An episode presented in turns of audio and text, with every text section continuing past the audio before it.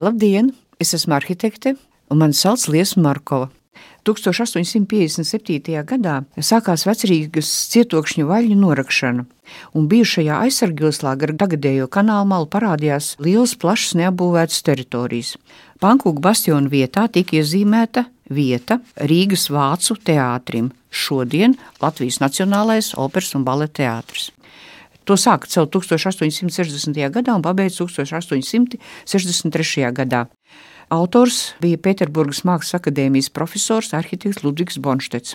Jaunā ēka tika atklāta 1863. gadā.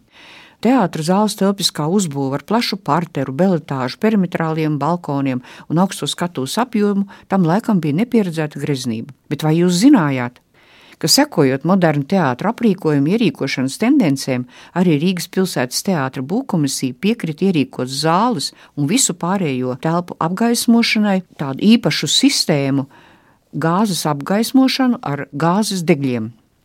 Īpaši bija Bonšteta izgudrojums zāles apgaismošanai un ventilācijai projektētais griestu plafons. Tādi plafoni, lieli, milzīgi stikla plafoni, kā mozaīks, jau bija Eiropā izgatavoti. Viens bija Londonā, un divi bija teātri Parīzē, kuriem arī bija šāda veida liela, milzīga stikla plafoni. Nu, Rīga arī negribēja atpalikt no modes tendencēm, un lūk, arī Rīgā tapa šāda veida milzīgs liels stikla kupols zālē. Šodien tikai varam iedomāties tā aptuveni, kā tas varēja izskatīties, ja jūs tagad paceļat acis uz griestiem, un tur iedomājieties, ka visa zāles griezti ir viena liela skaista stikla mozaīka, kas izgaismot ir un pirms izrādes viss ir vienās gaismās, nav šīs lielās lustras. Nu, to mēs tikai varam iztēloties.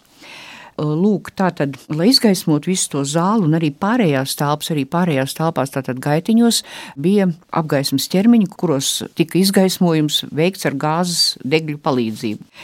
To varēja visu izdarīt, tāpēc, ka Rīgā jau bija uzcelta Rīgas gāzes fabrika, un lūk, šo enerģiju arī Bonštets paredzēja izmantot savā projektā.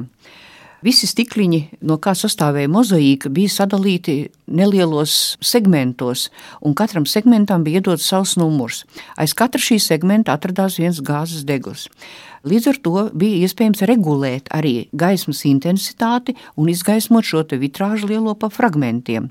Varēja būt iedegta visa vitrāža, bet varēja būt arī tā, ka, ja teiksim, bija nepieciešams kādai speciālai izrādē, tad to varēja arī iedegt tikai par segmentiem. Katram segments bija numurēts lai novadītu liesmu radīto siltumu. Un arī gāzes degšanas atkritumu nu, produkts, kas paliek pēc degšanas, bija arī ievietotais stikla, bija milzīgi liela caurule, kas tika izvadīta ārā uz jumta. Līdz ar to bija nodrošināta vilkme, bija nodrošināta arī ventilācija. Nu, viss tā uzbūve ļoti sarežģīta tomēr. Saglabājusies ir tikai neliela griestu plafona skice 1862. gadā. To uzzīmēja Bonštets pats Skice ir ļoti maziņa un ļoti schematiska. Līdz ar to mēs nevaram no viņas spriest tā precīzi, kāds tad izskatījās eh, šis plafons. Mēs varam tikai tēlēni iedomāties to izskatu pēc tās skices.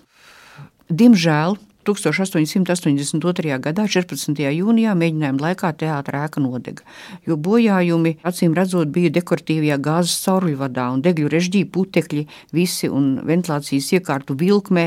Nu, kaut kas tur notika, un vienā acu mirklī uzliesmoja viss teātris. Teātris nodega un palika pāri tikai sienas. Pēc tam teātris atjaunošana sākās 1885. gadā arhitekta Šmelinga vadībā un eh, pat cik uzcēla arī elektrostaciju, kas ir starp kanālu un operas ēku, tagad operas ēku.